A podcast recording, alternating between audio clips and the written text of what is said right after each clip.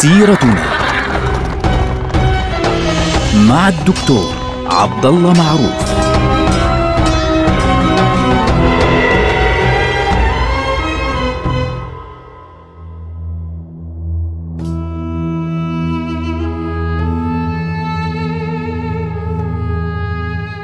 السلام عليكم ورحمة الله وبركاته. سيرتنا سيرة هذه الأمة العظيمة ونحن الآن في مرحلة يعني غريبة إن صح التعبير. نحن الآن في مرحلة كانت فيها القدس بيد من؟ بيد الصليبيين بعد صلاح الدين. يعني كثير من الناس لا يعلم أن القدس سلمت مرة أخرى للصليبيين بعد وفاة السلطان الناصر صلاح الدين كثير من الناس ما بيعرف هذه المعلومة يظن أنه خلص تم تحرير القدس وانتهت القضية لا يا إخوانا ليس كذلك القدس بعد أن حررت حاولت أوروبا أن تستعيدها مرة أخرى. بالحملة الثالثة فشلت. الحملة الرابعة غلطت في الطريق وراحت على القسطنطينية. الحملة الخامسة يعني فشلت بالرغم من ضعف آه، ملك مصر في ذلك الوقت الملك الكامل الذي عرض عليهم القدس مرتين ولكن غرورهم يعني هو الذي هزمهم بالنهاية. الحملة السادسة التي أخذ فيها الملك فريدريك الثاني بالدموع ما لم يتمكن من أخذه بالقوة. أخذها بالصداقة وبالدموع وبالمفاوضات وبهذا الكلام تمكن من أخذ مدينة القدس بالفعل من الملك الكامل محمد. كان الاتفاق بينهم أنه عشر سنوات بين الطرفين تكون القدس فيها باستثناء المسجد الأقصى تكون القدس تحت يد الصليبيين وبالتالي سيكون الأمر بينهم على ذلك. بعد وفاة آه، الملك الكامل محمد ووفاة الملك آه، فريدريك الثاني يعني كانت القضية في القدس يعني ينتظرون فعليا الملوك الموجودين أيضا ملوك الأيوبيين لسه في بينهم مشاكل كبيرة الذي ورث من الملك الكامل مصر في ذلك الوقت هو ولده الملك الملك الصالح نجم الدين أيوب. نجم الدين أيوب كان شخصا قويا جدا وكان شخصا ذكر أنه كان آه، حكيما وكان آه، يعني قويا وكان يعني عادلا بين الناس ولذلك يحبه الكثيرون جدا. يعني يحبه الكثيرون جدا. بعكس والده الملك الكامل محمد. يعني الملك الكامل راح سلم القدس هيك بهالبساطة يعني للصليبيين.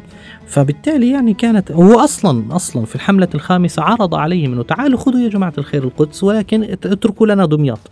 فلما لما رفضوا وذهبوا إلى المنصورة قال لهم خذوا القدس واستلموا المنصورة. فبالتالي كانت القضية بالنسبة له القدس ليست ذات أهمية واضحة. ابنه الملك الصالح نجم الدين أيوب في ذلك الوقت كان مختلفا كان مختلف تماما عن والده. المبدأ في ذلك الوقت كان على الكرك في ذلك. الوقت رجل اسمه الناصر داود بالفعل. هو أيضا ابن ابن أخوه لصلاح الدين. فالملك الناصر داود في ذلك الوقت بعد اكتمال العشر سنوات على آه، نهاية أو على الحملة الصليبية السادسة وتسلم الملك فريدريك الثاني اللي كان قد مات في ذلك الوقت يعني مدينة القدس انتهت العشر سنوات. فخلال هذه المرحلة مع اقتراب نهايتها فوجئ بأخبار تأتيه من القدس بأن الصليبيين يعيدون إعمار سور المدينة. ففهم أن الصليبيين يريدون حقيقة أنه يبقوا في المنطقة. لا يريدون أن يسلموا المدينة ولا يريدون أن يعيدوها بالفعل كما كان الاتفاق بين الملك فريدريك والملك الكامل محمد. فقاد حملة من الكرك وتحرك باتجاه مدينة القدس لأن القدس ما فيش إلها أصلا أسوار في ذلك الوقت يعني أسوارها خراب خرائب فقط هيك يعني ما فيش مجال أن واحد يدافع عنها بأي طريقة.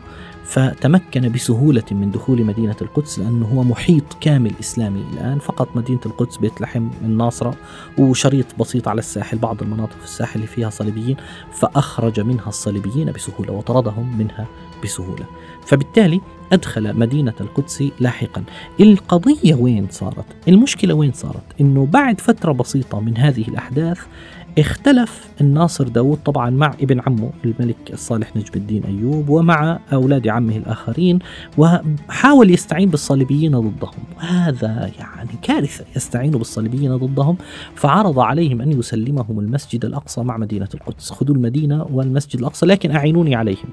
وبالفعل سلم المدينة مرة أخرى للصليبيين وسلم المسجد الأقصى للصليبيين حتى شرب الخمر في المسجد الأقصى في ذلك الوقت. يعني هذه المرة الثالثة التي تقع فيها مدينة القدس تحت الاحتلال الصليبي في ذلك الوقت. كان شيئا مؤلما. فالناس يعني التي هللت للناصر داود فهمت أن الناصر داود ما عملش هذا الكلام ما حررش مدينة القدس لأجلها ولأجل الله عز وجل وإنما فقط لأجل يعني آه، شو بدنا نسميها؟ لأجل السمعة إن صح التعبير وللمصالح السياسية. بناء على ذلك قرر ملك مصر في ذلك الوقت اللي هو الملك الصالح نجم الدين أيوب الاستعانة بالخوارزمية والاستعانة بالمماليك المماليك اللي هم الجيوش التي كانت تشكل آه، جيوش الأيوبيين كانت في ذلك الوقت تشكل من قوم يأتون بهم من مناطق جنوب روسيا ووسط آسيا كانوا يسمونهم المماليك يعني العبيد.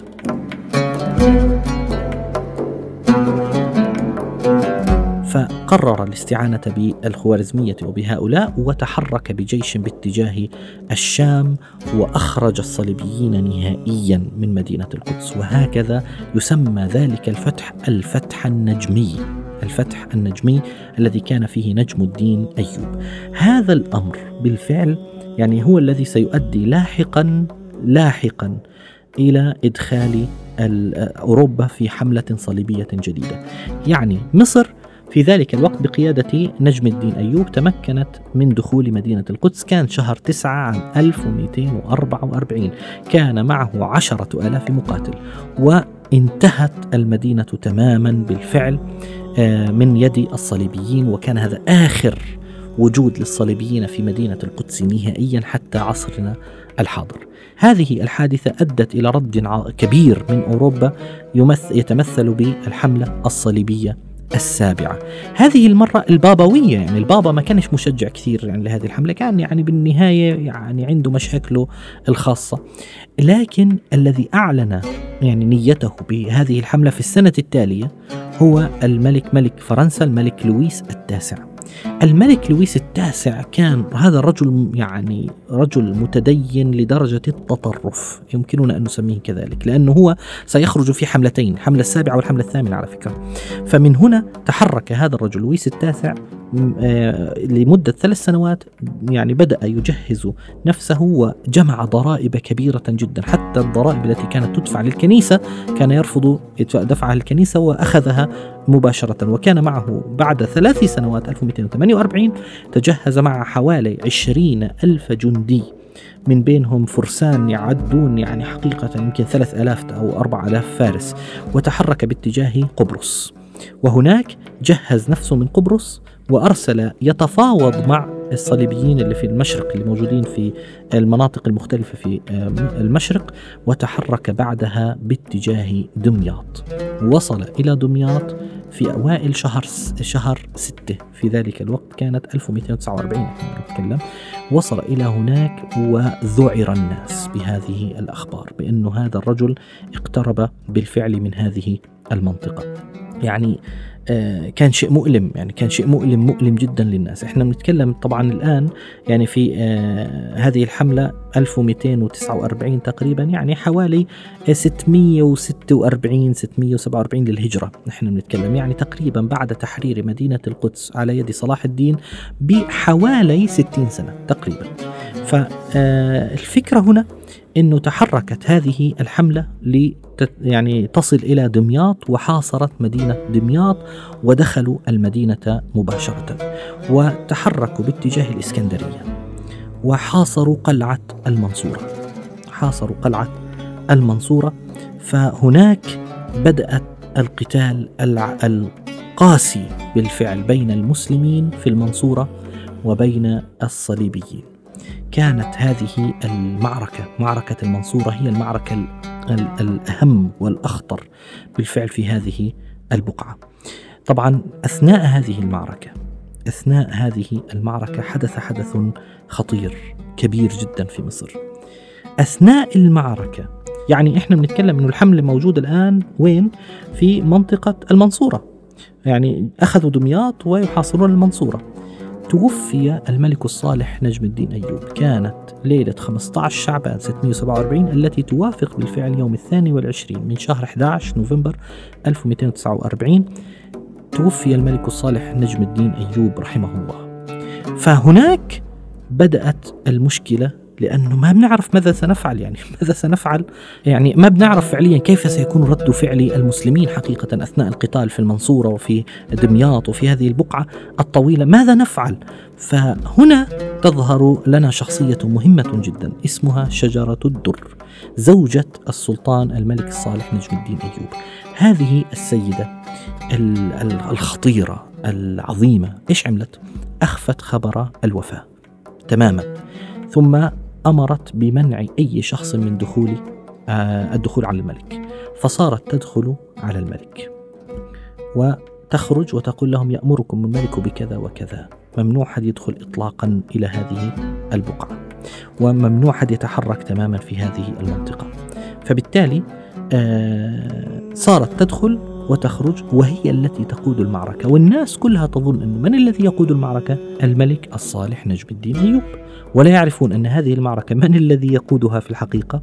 الذي يقودها كان الملكة آه، شجرة الدر فالمبدأ بدأت تسير المعركة وتتحرك فيها حتى تمكن المصريون من هزيمة الصليبيين بالفعل بقيادة يعني طبعا المماليك اللي هو الجيش المملوكي كان في مجموعة من القادة الذين سيكون لهم اسم كبير جدا في المستقبل على فكرة.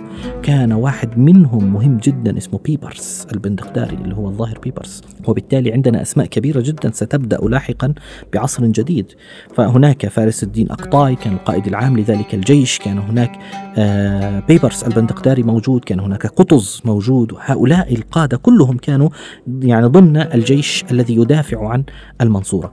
فبالتالي تمكنوا من القضاء على الصليبيين في معركة كبيرة جدا. هاجموهم في معركة حامية قاسية في يوم الثامن من ذي القعدة في عام 647 آه للهجرة الموافق في ذلك الوقت 11 2 1250 يعني بعد كم شهر من وفاة آه نجم الدين أيوب. تقريبا بعد شهرين إلا شوي من وفاة نجم الدين أيوب تمكنوا من الهجوم على معسكر الفرنجة والملك لويس في ذلك الوقت تكبد خسائر فادحة وأسر لاحقا.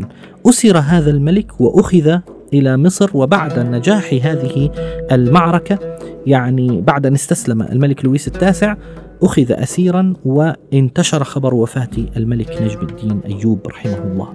فكان خبر وفاته يعني فاجعة للمسلمين بعد نجاح هذه المعركة وبعد فشل الحملة الصليبية السابعة. طبعا السؤال إيش الذي حدث بالملك لويس التاسع؟ لويس التاسع أخذ و اضطرت فرنسا أن تدفع مبلغا هائلا من الذهب فعليا فداء له وأطلق ليتجهز لاحقا لحملة صليبية جديدة. لكن كانت هذه نهاية الحملة الصليبية السابعة وآخر مرحلة يحاول فيها الصليبيون الوصول إلى مدينة القدس وهكذا تنتهي مرحلة وتطوى بالفعل مرحلة هذه المرحلة لتبدأ بعدها مرحلة جديدة سيكون عنوانها المماليك ولكن قبل ذلك سيكون هناك حملة ثامنة صليبية وسيبدأ بعدها عصر جديد هو عصر المماليك. نلقاكم على خير والسلام عليكم ورحمة الله وبركاته.